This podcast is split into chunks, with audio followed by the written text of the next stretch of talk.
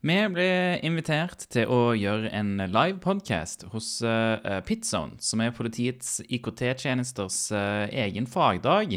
Så dette er en live recording av det. Uh, jeg har ikke redigert noen ting, jeg har bare blipa noe mot uh, slutten. ellers er det helt, helt sånn som det er live. Kos deg med det.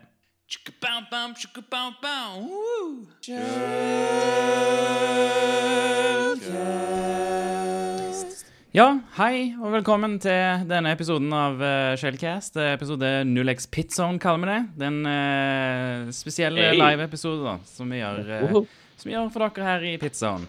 Uh, så ja, jeg heter Vetle. Jeg jobber som pentester. Så får dere andre introdusere dere. Jeg heter Eirik. Jeg jobber som penetrasjonstester. skal vi ta Twitter-handle, eller? Det er jo det vanlige på Ja, det er sant. Her. det er sant. Jeg, jeg er bordplate på Twitter. Jeg, ta den vanlige, da. Jeg heter Eirik, jobber som penetrasjonstester, og du finner meg på Twitter som 0xsv1.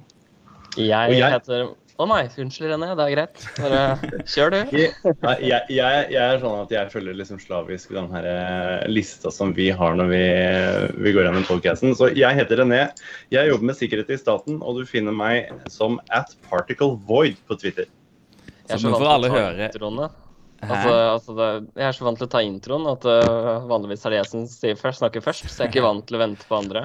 Ja, jeg heter Martin, jeg jobber som sikkerhetstester. og Du finner meg på Twitter som krøllalfa uh, mrtn9. Ja, nei, Nå får alle høre alt, uh, alle, alle, de live-feilene vi gjør. Alt det som ja, pleier å klippe bort. det må jo sies at det egentlig er til å klippe. Shit. vi recorder jo gjerne timevis for å få noe som helst content ut av disse podkastene våre. Så, så, det er bare å sette dere ned og finne en kopp kaffe. ja, ja vi, har ikke, vi har ikke Elisabeth å klippe for oss i dag, gitt. Nei, stemmer. Men vi skulle begynne med å fortelle litt om, eh, om hva Shellcast er, hvorfor, uh, hvorfor vi er, og, og sånt noe, skal vi ikke det? Uh, og det kan vi vel fortelle om. En, uh, som vi ble introdusert, og en hackerkollektiv er vel egentlig en fin, uh, fin måte å introdusere oss på. da. Vi begynte med å gjøre capture the flag-oppgaver, altså hackeroppgaver, for de som ikke er kjent med det. Det er liksom der du, du, du er et lag, og så, så, skal du hacke datamaskiner nå for å få ut et flagg fra det, og så skal du putte det inn på nettside, og så får du poeng. Så det gjør man som et lag, da. Uh, og vi, vi, var et lag i utgangspunktet, og så uh, Det var når alle studerte, tror jeg. Og så fikk man seg jobber, og så gikk livet videre, og så plutselig så bestemte vi oss for å lage en podkast uh, ja, nå i korona, skulle jeg si.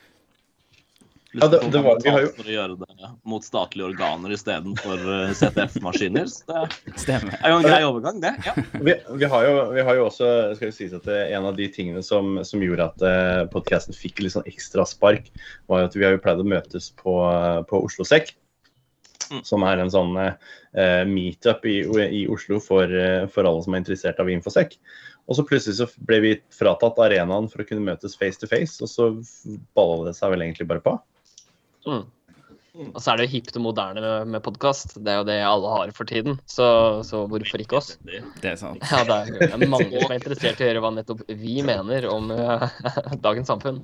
Jeg vil også legge til der en av hovedgrunnene til at jeg var så gira på det her. Um, og trigger noen, men det er jo det at uh, det er veldig mange sikkerhetspodcaster i Norge. og det er veldig mye podcaster i seg selv, men innenfor vår bransje så er det jeg føler det stort sett bare er liksom um, content marketing for insert navn på hvilket selskap uh, folk jobber i. Um, ja. Det er ikke så mye sånn gutta på gulvet, koselig snakk du kan få her, da. Og det har vi jo fått mye gode tilbakemeldinger uh, på. Så er fordelen det sånn. så fordelen er at dette her lille kollektivet vårt av en eller annen grunn har samla en gjeng med snakkesalige gærninger som har lyst til å blotte seg for hele internett og gud og hvermann. Ja, på norsk, da, heldigvis.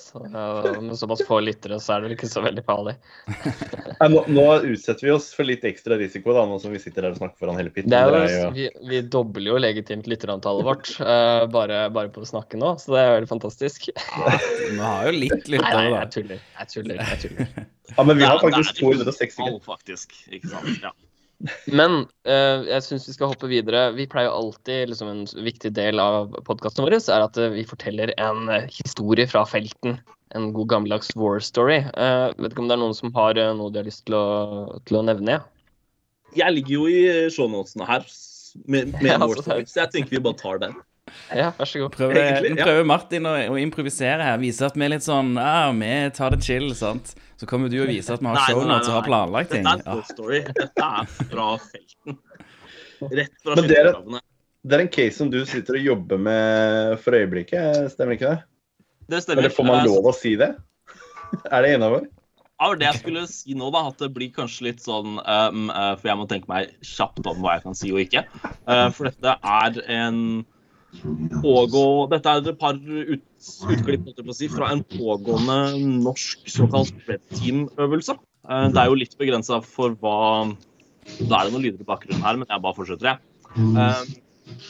Okay, OK, det blir litt vanskelig. OK, nydelig. Ja. Nei? Nei, vi fortsetter, vi. Velkommen til staten. Yes. Der! Fantastisk. Yes, nå. Ja. Eh, jo, jeg har jo en såkalt norsk pågående red team-øvelse. Eh, og Det blir jo litt forskjellig fra en klassisk penetrasjonstest, hvor man får et ganske lukket scope, og det er veldig definert at du skal teste XYZ-programvare eller nettside eller domene. Eh, hva en plattform. Eh, I en red team-øvelse så er det mer at vi får et, et åpent scope og tester gjerne Altså, du får, du får en blank sjekk. test denne bedriften, som er jo veldig underholdende.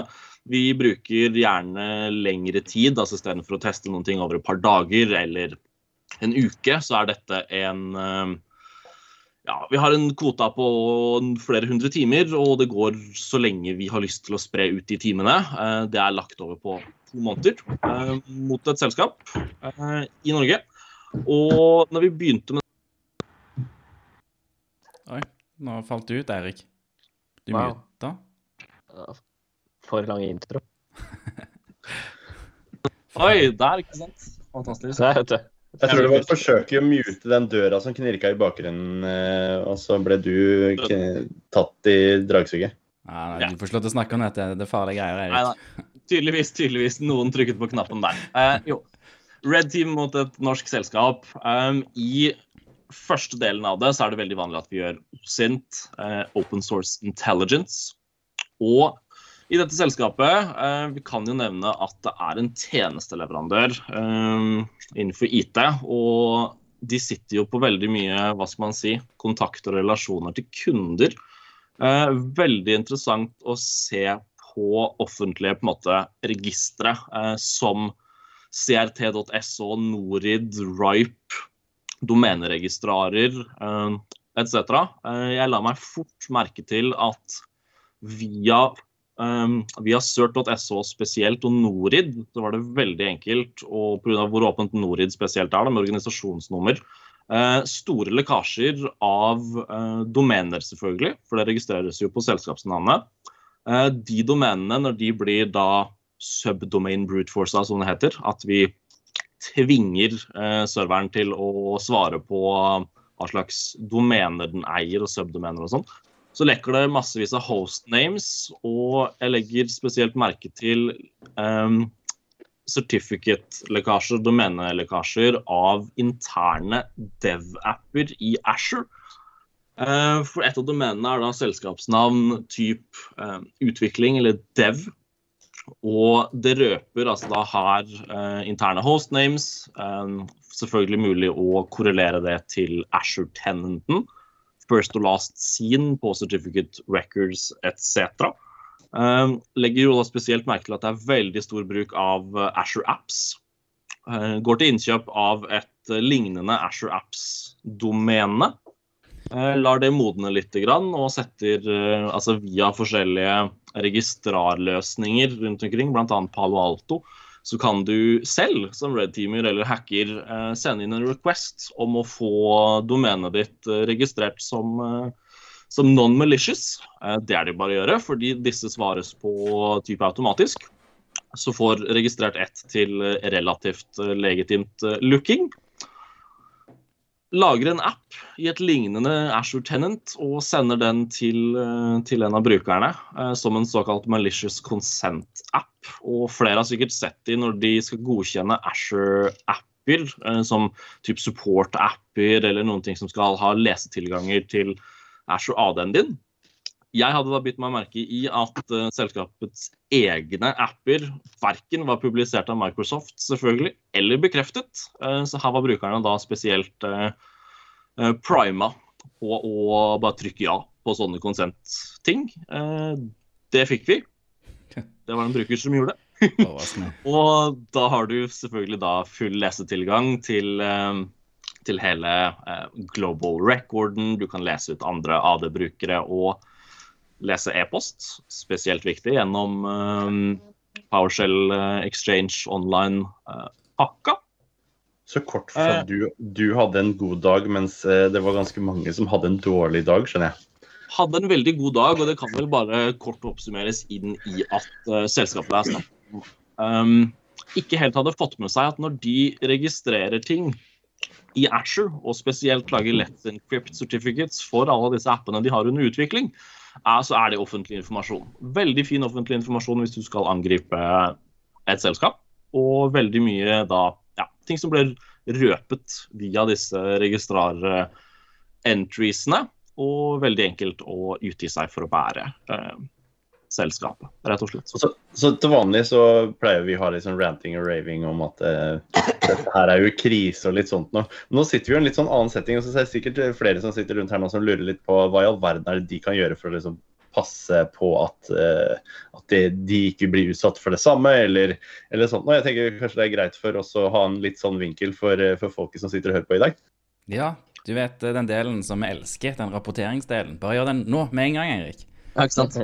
uh, ikke ha sånne ting offentlig, uh, først og fremst. Det er helt mulig å ha det privat. Um, sitter man på ekstremt sensitiv uh, informasjon, ikke registrer et offentlig liksom, Let's Encrypt-sertifikat for det. Så jeg tipper at det er noen litt mer tekniske som sitter og humrer av at det i det hele tatt blir gjort. Um, ikke gjør det fra um, sensitivt hostname bindestrek selskapsnavn .no, liksom. Um, jeg tenker, det er viktig å påpeke her at dette er jo grunnen til at dere kom inn, var jo via phishing. Altså, En ting er appen og de tekniske detaljene rundt det, men, men det er jo phishing som på en måte gjør at brukeren da får en lenke som, som, går til Microsoft, ser helt legitim ut, hvor Microsoft-siden da sier hei, kan du godkjenne denne appen for å få tilgang til e-postene dine. Det er akkurat det samme som man gjerne gjør med Facebook når man logger inn på steder. Eh, man gjør det med Google, man gjør det med, som er litt vant til å godkjenne sånne forespørsler. Mm. Eh, det som er viktig å påpeke her, er jo at eh, det var mulig, og brukeren gikk på det pga. all informasjonen fra feilkonfigurasjoner um, der ute. Så det hadde vært veldig mye vanskeligere å, det hadde vært veldig mye vanskeligere å få det til hvis det ikke var uh, så mye informasjon om selskapet og hvordan de Altså, jeg utga meg for å være en app de visste de hadde i produk... Nei, altså i, i dev, ikke sant de forventet å teste og trykke på denne appen. Eh, jeg så jo allerede at de ja, altså Den er åpenbart ikke publisert av Microsoft, den er ikke bekreftet. Brukerne er så vant til å se disse warningsene da, at de er bare helt uh, mute til dem. ikke sant? Mm. Jeg synes Det er også en sånn ting som er viktig å ta med seg i forhold til, uh, i forhold til den problemstillingen også, er at uh, en, en angriper som som tar seg tid til å analysere, og som, som, har muligheten til å hente inn mye offentlig informasjon, har muligheten til å gjøre mye skade gjennom, eh, gjennom akkurat sånn som dette her. Da. Nå har, er jo det plutselig en sånn development pipeline, som du sier, som eh, plutselig lar lar deg komme deg forbi alle disse varsellampene som kanskje brukeren normalt ville ha ellers. da. Mm. Så har jeg liksom ikke noe mer sånn punchline på akkurat den biten, men det, det er sånn Jeg tror det er viktig at vi er ordentlig i dev også. Og hvis ja. det er i skyen, altså i skyen, så pass på at det ikke Pass på at det er i deres sky, ikke offentlig. Det er vel en god punchline der. Ja. Skudd. tenker vi legger den eh, død. Takk for War Story, Erik. Det var eh, Det er alltid, alltid morsomt å høre. Um, tenk på det, hvis, hvis, det er noen lyttespørsmål underveis, så må jeg nevne da, hvis det er noe som dere lurer på, som vi gjerne skulle hatt uh, uh, ja, svart på, så må dere bare sende det i chat, så, så skal vi uh, Og så har vi fått et lytterspørsmål. Ja. Vi har fått et lytterspørsmål fra Jamina om de kan få lov til å se, få se oss. Fordi de kan se meg og Vetle, men de kan da ikke ja. se Martin og ikke se Eirik. Jeg vet ikke om Eirik eh, av naturlige grunner er eh, skjult for omverdenen. For han gjør vel også, dere gjør vel også litt sånn fysiske eh, Fysiske ting også. Eh, og Martin de, altså, Ta bort den eh, sliden. Ja, du har vel, du har vel masse videre på sliden her. Det er vel ikke bare den? Ja. Ja. Ja. ja, ja. da glemte du å starte. Man skulle gått automatisk, kanskje? Eh, jo. Uh, men jeg tenker jeg heller bare skrur av, jeg. Uh, ja, det gjør det. Så. Trenger vi, jeg trenger ikke det. Men uh, apropos webkamera. The Riverside har captura webkameratingen min, så jeg får ikke delt oh, ja, okay. Jeg får ikke delt Dere får ikke sett meg, dessverre. Men jeg, kunne, jeg kan google meg. det var det jeg skulle si også. Ja, jeg personlig liker jo å holde det litt tilbake igjen, liksom. Det, men uh, ved bytte arbeidsgiver så går det jo pressemelding med fantastiske bilder, så det, det ligger der ute. Um, jeg skulle være så teknisk jeg nå uh, i dag at uh, ikke liksom koble på politiets IT-tjenester fra min egen hjemme hjemmenett, så jeg sitter på en maskin over VPN, faktisk. Så jeg har ikke webkamera her, dessverre. Wow. Har dere noen tips på å være passe paranoid? Lett at det blir for mye eller for lite? Ja, passe paranoid, det er jo uh, Balansen der uh, er enten uh, for lite eller for mye, og så er det psykose, og så Så for mye paranoid er farlig. Det, og jeg tror Hvem her er det som er mest paranoid? Hvem er det som danser mest på den linjen? Hei, René. Hei, alle sammen. altså, jeg, er jo, jeg er definitivt kjent uh, for å være litt sånn paranoid i den gjengen her. Um, lett. Og, og, det, altså jeg, Min huskeregel i forhold til dette her med å være for paranoid, er det at når jeg føler at jeg uttrykker noe som uh, potensielt skulle sende meg på en institusjon, uh, da kjenner jeg at her burde jeg ta og lese litt. Rann. Uh, ja, og, og, Knut Eirik, eh, som, som, kjenner meg litt, han skriver jo da faktisk inn i chatten her at René er nok litt mer enn lett paranoid. Og da, da de som jobber i, i, seksjon sikkerhet, er jo da godt kjent med mitt paranoianivå. Så ja, nei, jeg, jeg, har blitt bedt til og med i politisammenheng og, om å tone, tone ned paranoiaen min, faktisk. Så der har ikke jeg noen gode regler, kanskje. Eller gode sånn huskeregler. Jeg vet egentlig ikke helt om Det er vanskelig å svare på, så jeg har egentlig ikke noe, jeg har ikke noe godt svar på hvordan være sånn passe paranoid. Jeg tror, jeg tror det er litt uh, Hva er det vi pleier å si? Det er opp til din egen risikovurdering for hva som er sannsynlig og, og, og liksom Ja.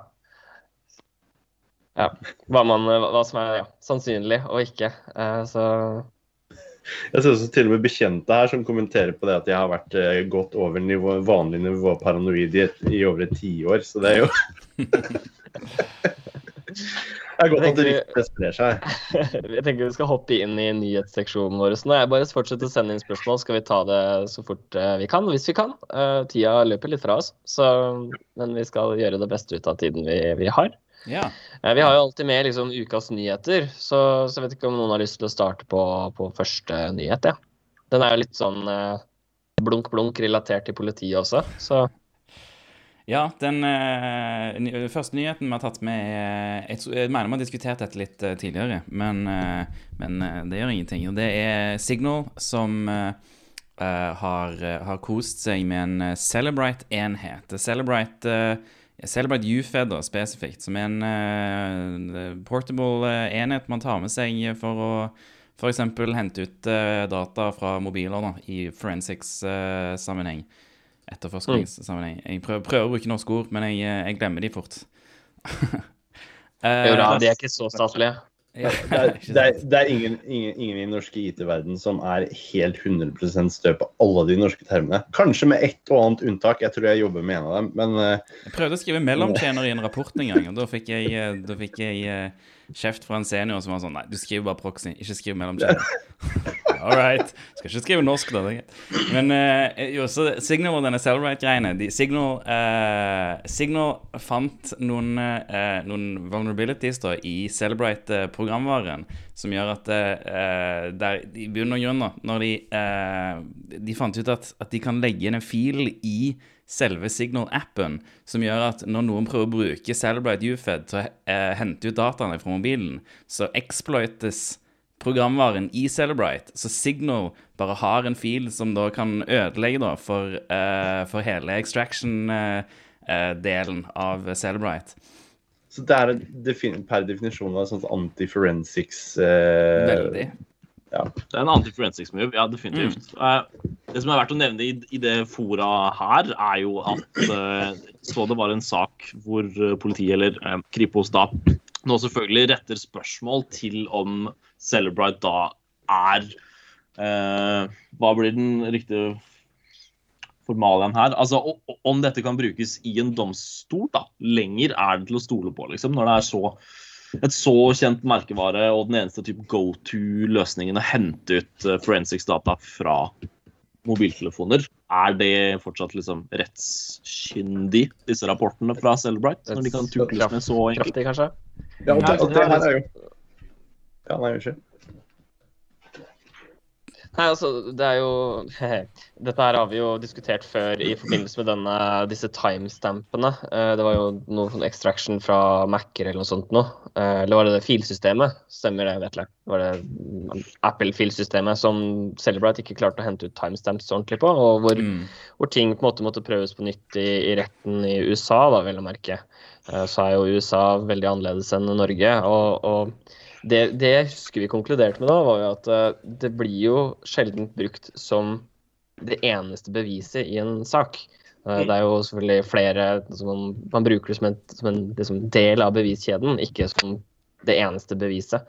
Men det er klart, hvis, uh, hvis, hvis Celebrite-enhetene faktisk er såpass uforsiktige da, med filene de analyserer, at de kjører kode, eh, altså ondsi, potensiell ondsinnet kode på disse enhetene, så kan man jo spørre seg om man kan bruke det i det hele tatt. For hva hvis plutselig den wiper hele enheten? Altså, Plutselig så har vi ikke noe Celebrite, eh, det er bare en murstein, liksom. Det, stil, det større spørsmålet som jeg stiller meg da, når jeg tenker, over, sitter og tenker på denne, denne her, er jo hva eventuelt om Eh, du kan manipulere data eh, så fort en Celebrite-enhet er eh, kobla til. At du gjør endringer på timestamps, eller du flytter GPS-lokasjoner på telefonen, eller eh, hva som helst, sånn at du faktisk tukler med bevismateriale idet du er i forsøk på å hente ut bevismateriale.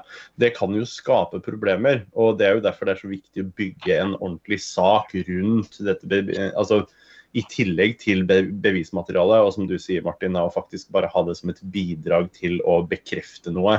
Og hvis du ser at du har bevismateriale som, som avviker fra den generelle sannheten, så er det jo alltid mulighet til å stille tvil rundt om det bevismaterialet er noe man faktisk ønsker å ta til retten. Da.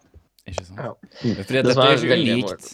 Dette er jo ikke unikt til Celebrite heller. Sant? Uansett hvilken software du bruker. Alt, alt er jo en parser. Alle parser og interpretere er uh, har vulnerabilities. Det er bare, det snakker, bare snakk om å finne dem. Det er Parser og, og interpretere er komplisert uh, software med, med ja, masse vulnerabilities alltid. Det er, de, det er, der du finner det meste hvis du skal leite, liksom.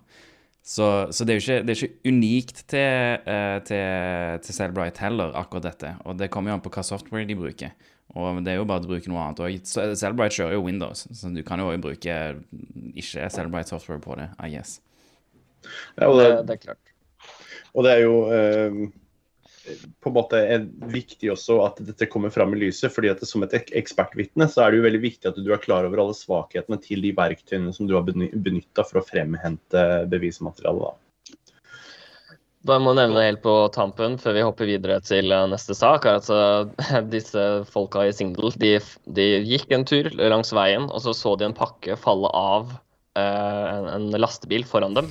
Når de da gikk nærmere, det var da de så at det var dette Celebrite-kittet som de tilfeldigvis fant. da, Og det er rapportert flere steder på Twitter nå at uh, disse kittene har falt fra himmelen. Så det er jo utstyr du egentlig ikke skal få tilgang til som en vanlig privatperson eller et lite selskap, men som de tydeligvis har uh, gjort det. da. Men on, on, that note skal vi hoppe tilbake til Norge en tur. Ja, altså nå har vi nå har vel vi strengt tatt ikke veldig lang tid igjen, eller åssen var det på timelinen? Vi har 15 minutter? Vel, 10 minutter eller sånt? Nei. Ja. ja nei, men da, kjører, da, kan vi godt kjøre på. Ja, vi, vi kjører til dere skrur oss av, så dere får bare ja, kommentar her. Ja, Celebrite var nok veldig uforsiktig med å bruke veldig gammel software som har kjent sikkerhetsproblemer. Ja, det var faktisk det er et problem. Det er et godt poeng. Det er et godt poeng. Ja. Yes. Absolutt. Yes, dette bomselskapet, da, at denne artikkelen her er fra Digi. Jeg kan sende den i chat for de som har lyst til å se på den. Eh, bomselskap sendte bilder av norske bilister til Kina. Datatilsynet varsler millionbot. Og dette her er jo en eh, Altså, den er artig på flere måter, syns jeg. Eh, både én ting er jo at det som skjer, da, er at dette bomselskapet de sender da bilder til Kina for manuell verifisering, fordi alle vet at OCR er ikke perfekt. Så, så selv, om, selv, om, disse kameraene gjør en best effort på å analysere bilskilt og sånt, så, så er det ikke alltid det liksom går, i, går i boks. da. Så, så, da må det jo manuelt verifiseres. Og måten det er gjort på, eh, først og fremst er at det er sendt til Kina, Uh, selvfølgelig da uten lovlig grunnlag. Det hadde vært for morsomt om de hadde lovlig grunnlag i tillegg. Men uh, så er det jo da denne tidligere Ferde-lederen, altså Ferde, dette bomselskapet, som har organisert denne manuelle billigkontrollen. Uh, og han hadde fakturert Oi, prosit. 1,4 millioner kroner for jobben fra sitt private enkeltpersonsforetak samtidig som han da var ansatt eh, og så vidt jeg skjønner leder i dette bomselskapet. Og det er jo en, eh, dette er jo en sak for både Datatilsynet og Økokrim, tenker jeg. Absolutt. Det er relativt fishy bruk av uh, egne ressurser, og ser jo senere at når han begynte å få litt uh, problemer med at det gikk til hans eget enkeltmannsforetak, så gjorde de den fine løsningen og byttet over til kona sitt. Å ja, riktig. Ikke sant? Så det er jo Ja ja, blir du tatt der, så bare send det videre. Ja. Altså, det, som, det, som, jeg syns er litt sånn kritikkverdig her, er jo det at altså, alle som sitter Nå sitter jo en hel haug med, med lyttere her som uh, mest sannsynlig har mye mer uh, peiling på offentlige anskaffelser enn det vi har. Og det finnes jo en del regelverk som liksom skal være med på å forhindre akkurat det som har skjedd her. Så det at de i det hele tatt har klart å... ikke sant? Ja. ja, og det at de har da klart å snike dette her under teppet på den måten som de har gjort, er jo helt krise. Nå har du ikke sneket det så veldig godt under teppet, da, for det har jo kommet fram for en dag, da. Har de sendt det til en sånn capture-løs eh, tjeneste? Det er jo masse av de der manuelle løse capture-greier, og så koster det sånn eh, ti øre per, eh, per, capture du løser, eller noe sånt. Er det, det er typ en sånn clickfarm. Ja, ja. Det er en clickfarm. Uh, det er disse du ser på YouTube hvor det typ sitter uh, Altså, beklager å si det. En kineser foran 50 eller 200 telefoner, og så liksom løser de disse tingene og får ti øre per, per match. Og på et eller annet sånn obskurt nivå så skal vi kanskje bare være glad for at de ikke solgte alle informasjonen direkte til eh, Hva er det de heter for noe? Spy Eye? Er det ikke det som er den kinesiske myndighetenes eh, sånn eh, overvåkningsorgan? Som overvåker alt Fryktelig naivt å tro at det ikke har hendt opp der, da. Jeg har jo havna der til slutt, selvfølgelig. Jeg, jeg, jeg, må jo på, jeg er bare glad for at de I det minste så har det gått gjennom mellommenn, da, sånn at det er enda flere som har hatt glede av alle disse dataene. Nå som de vet om at den dataen uh, ligger på en harddisk et eller annet sted i Kina, så bare ja, ah, veldig interessant. Dette må vi ha. Ja. Ja, så det er jo på sin plass at de har fått en bot her. Um, ja, det vil jeg si. Ja. Jeg, syns kanskje den er litt liten. Den var litt altså, i minste laget. Jeg syns det er morsomt at eh, Ferde har fått boten, egentlig. Uh, altså, hvor er fengselsstraff for han derre uh, fyren? han, han derre fyren. Så, og, og, som vanlig så er vi veldig dyktige på navn og sånt nå, så vi vil bare unnskylde han derre fyren som vi oppfordrer til fengsling av. Men eh, det er kanskje feil forum å oppfordre til fengsling av folk, men eh, det, det er derfor jeg tilbakeholdt navnet hans, men det står jo i denne Digi-artikkelen. Ja da, det gjør det. Jeg gjør det. Ja. Og så er, så, Johnny, da, altså, det, det, hjelper kanskje ikke det heller. Uh, Og de som er her, har vel fått med seg det at vi er en sånn såkalt lettbent podkast. podcast. Så dette her er jo da definitivt ikke noe som er nødvendigvis forankret i, i, i alt som er sant i forhold til lov og rett. også ofte hardere for seg, fordi det er ikke alltid vi sitter og drikker kaffe mens vi spiller inn det her. Det kan gå i andre Det er vel sjelden det er sjelden du drikker kaffe. Det er som regel brus eh, for min del, bare så nevnt.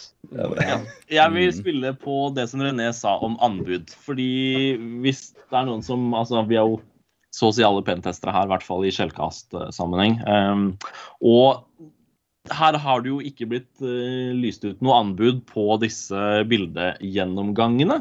Men eh, liten klapp på skulderen til Ferde er jo at eh, de nå etter denne flausen begynte å koke internt hos de sikkert før det gikk eh, offentlig, så, så la jo faktisk Ferde ut en, eh, et anbud nå nylig på, på en penetrasjonstest. Eh, så det vil jo bli spennende å se om det var mer som eh, dukker opp. Jeg gleder meg, til å høre, gleder, gleder meg til å høre om når, når den som tar den pentesten, kommer endelig inn i selskapet, og så bare Neimen, her er det jo kinesere også. Men Martin, Men- Martin, er ikke det her en gyllen mulighet for dere å, å gå ut og ta det anbudet? Eh, jo, Uh, selvfølgelig. Hvis det er noen som jobber i Ferde som lytter, så ville vi gjerne vinne det anbudet. Nei, nei da. Kan hende det var noen andre som vant det anbudet. Ja, det. vi får se på det. Ah, ja. Å ja, okay, Jeg tror. Datatilsynet vant det der anbudet, for de tror jeg kommer til å gjøre en litt sånn gjennomgang her. Men sånn som den, altså denne saken her, de, sendt, de har sendt disse bildene til Kina. Uh, men men det er, det er mange selskaper som sender masse bilder overalt. De bare, det er bare ikke for manuelt arbeid spesifikt. Uh, men cloud-servere er jo overalt. Uh, så altså hva hva er forskjellen her, da? Å sende dette for manuell, eh, manuelt arbeid, da, og å sende det, til, sende det til en server i Irland eller sende det til en server i USA, da. Du har ikke fått godkjenning for det heller. Men, eh, men man gjør det jo. Det er jo bare en del av liksom, den nye cloud-infrastrukturen som, eh, som ingen følger med på, liksom. Men det er jo en del av pakka her at det er sendt til Kina. Altså Man kan jo, si hva man vil, men Det er jo masse, masse cloud instances og greier som, som kjører til Kina òg. Og det, er- er mye tjenester man bruker. Noen ganger så bruker man bare en cloud-tjeneste der du ikke har peiling på noen hvor serveren står. Og så, vet du ikke hva de gjør på backenden der. Men det er liksom Du pusher det bare liksom ah, vi bruker den tjenesten, så da går det greit, liksom. Det er ikke Ja, altså, manuelt jeg- arbeid, så jeg- går greit. Min, min opplevelse av det her er vel egentlig det at det er en del av det som er kriti- kritikkverdig i det forholdet her, er at de har ikke tatt og, og evaluert med skjønn hva det er slags data. Eller enda verre, hvis de har evaluert det og gjort det med overlegg, så er det jo faktisk eh, enda mer kritisk enn en, en utgangspunktet. Så vi får lov, det er jo lov å håpe da, at de bare har vært eh, uvitende og så ikke tenkt noe på hva slags data de har sendt av gårde, og så gjort en dårlig beslutning. Men det er jo veldig mye i den saken, det mye i den saken her som, som peker til at de har ikke kanskje nødvendigvis eh, har brydd seg så mye. Datatilsynet i grunnlaget til boten sin eh, sier jo det at de mener Ferd ikke har hatt noe på en måte skjellig eller lo lovlig grunn for å sende dette til Kina. Eh, og det som Vetle sa angående at ting går andre steder vanligvis òg, og det, det gjør det jo, men det er jo ofte da på GDPR-compliant eh, infrastruktur. Enkelte tjenesteleverandører, sånn som Microsoft, Asher, GCP etc., har jo uh, muligheten for deg å påtvinge at det holdes innenfor GDPR-compliant infrastruktur innenfor Norden, innenfor Europa uh, etc. Men det er jo definitivt et stort problem, og kanskje for liksom mindre eh, statlige og kommunale organer så er det ikke så veldig enkelt å følge med på dette. Og det, her kunne vi jo dratt helt inn i den eh, fine diskusjonen med altså, om vi trenger en norsk grunnmur for å holde på sånn, eh, sånn data. Så, men, men ikke send det til Kina, da, i hvert fall. Det er vel egentlig Det, vi, har fått inn en del, eh, vi har fått inn en del kommentarer rundt eh, det vi sitter, vi sitter og snakker om. og Dette her er et perfekt eksempel på at vi sitter og snakker om ting som vi kanskje ikke nødvendigvis helt har peiling på. og det er jo for å gi deg. Sleep. eh, skriver en sånn fin ting her at det Ferde AS er muligens et selskap som ikke er bundet av forskrift om offentlige anskaffelser. Og det, det er godt mulig. og det, Om det er noen som vet det bedre enn oss, så er jeg ganske sikker på at det er Espen, for jeg vet hvor han jobber hen. Det er veldig hyggelig. Det er interessant at de la ut et offentlig anbud eh, etter dette. Men det også, er- Knut Erik, eh, Knut Erik her skriver også at det er et stort problem at mange virksomheter ikke har kompetanse til å utlyse og gjennomføre offentlige konkurranser som i tilstrekkelig eh, grad varetar krav om informasjonssikkerhet. Og det er et superpoeng. Så her, Det er er derfor vi ikke gjør dette live. For folk driver Ja. og forteller som vi tar feil. Du Jo, men samt, samtidig så syns jeg dette her er, jeg synes det er helt topp. Jeg skulle gjerne likt å ha litt mer sånne rettelser underveis, sånn at ikke vi trenger å drite oss ut eh, live på Eller Det er helt ikke sant. live på, på Spotify. Nå har vi heldigvis Elisabeth og Vetle og, og, og, og jeg holdt på å si, jeg holdt på å si Frank, men han heter jo Bleep. eh, som, Ja. som klipper oss ut og passer på at ikke vi driter oss ut for mye. Bra- anonymisert. Vi, vi kaller han Frank, men han heter egentlig Klipp. Uh, det, det, var- det var det vitnet. Ja, det. Så ser vi vi har fått en ny lytter og eh, Blip. eh, skriver det at nå koser jeg meg, dere har fått en ny følge. Det er jo kjempemorsomt. Det er veldig hyggelig å høre. Nydelig. Vi, vi holder på å slippe opp litt for tid. Vi hadde noen sånne punkter eh, no, Vi har jo litt sånne Ja. ressurser og sånn som vi liker å dele. Eirik, hadde du lyst til å, å promotere det før vi tar en outro? Jeg kan ta en 30 sekunder på de. Um, Yes. Ja, så, som René sa, i hver episode så liker vi å linke til litt forskjellige tools for å holde det også litt teknisk. Eh, denne uken her så har jeg lyst til å nevne at eh, Microsoft har kommet med noen incident response playbooks som de poster på dux.microsoft.com. Veldig kule. Um, Ref Exchange og Hafnium sårbarheter og sånn. Insinuator.net har eh, sluppet en veldig fin Sharphound eller Bloodhound cheat sheet. Hvis dere googler Dog Whisperers Ja, nei, cheat jeg sender det, jeg sender det i uh, Dropp chat. det i chatten. Yes. Ja, ja, ja. Det er det som er så fint Og så ikke sant? Den er kjempebra, og for politiet og Blue Teams og sånn som holder på med intern og sikring av interne AD-nettverk og sånt, så er Bloodhound slash Sharphound et fantastisk verktøy. Eh, videre så har XPN fra det amerikanske sikkerhetsselskapet Trusted Sec funnet en interessant og artig måte å kjøre unmanaged kode i .net. Som kan lede til. Cobalt Strike beacons og sånne ting.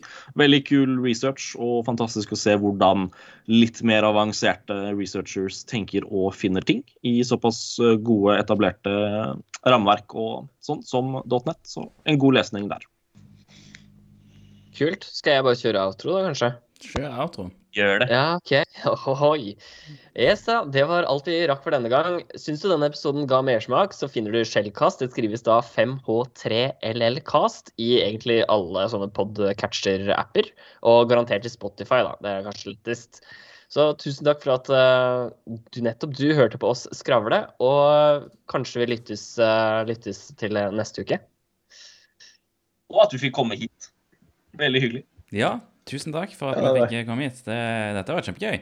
Jeg er fortsatt overraska over at jeg ikke har fått uh, avskjed på blankt papir på uh, e-post kommer nå altså. lunsj. Ja, OK, ja, det er greit. Det det er staten. Vi tar det etter lunsj, i hvert fall. Ja. Da blir jeg sikkert flytta til Nord-Varanger eller noe. Det er greit. Yes. Nei, men tusen takk, alle sammen. Tusen takk, og ha det godt. Ha det bra. Woo!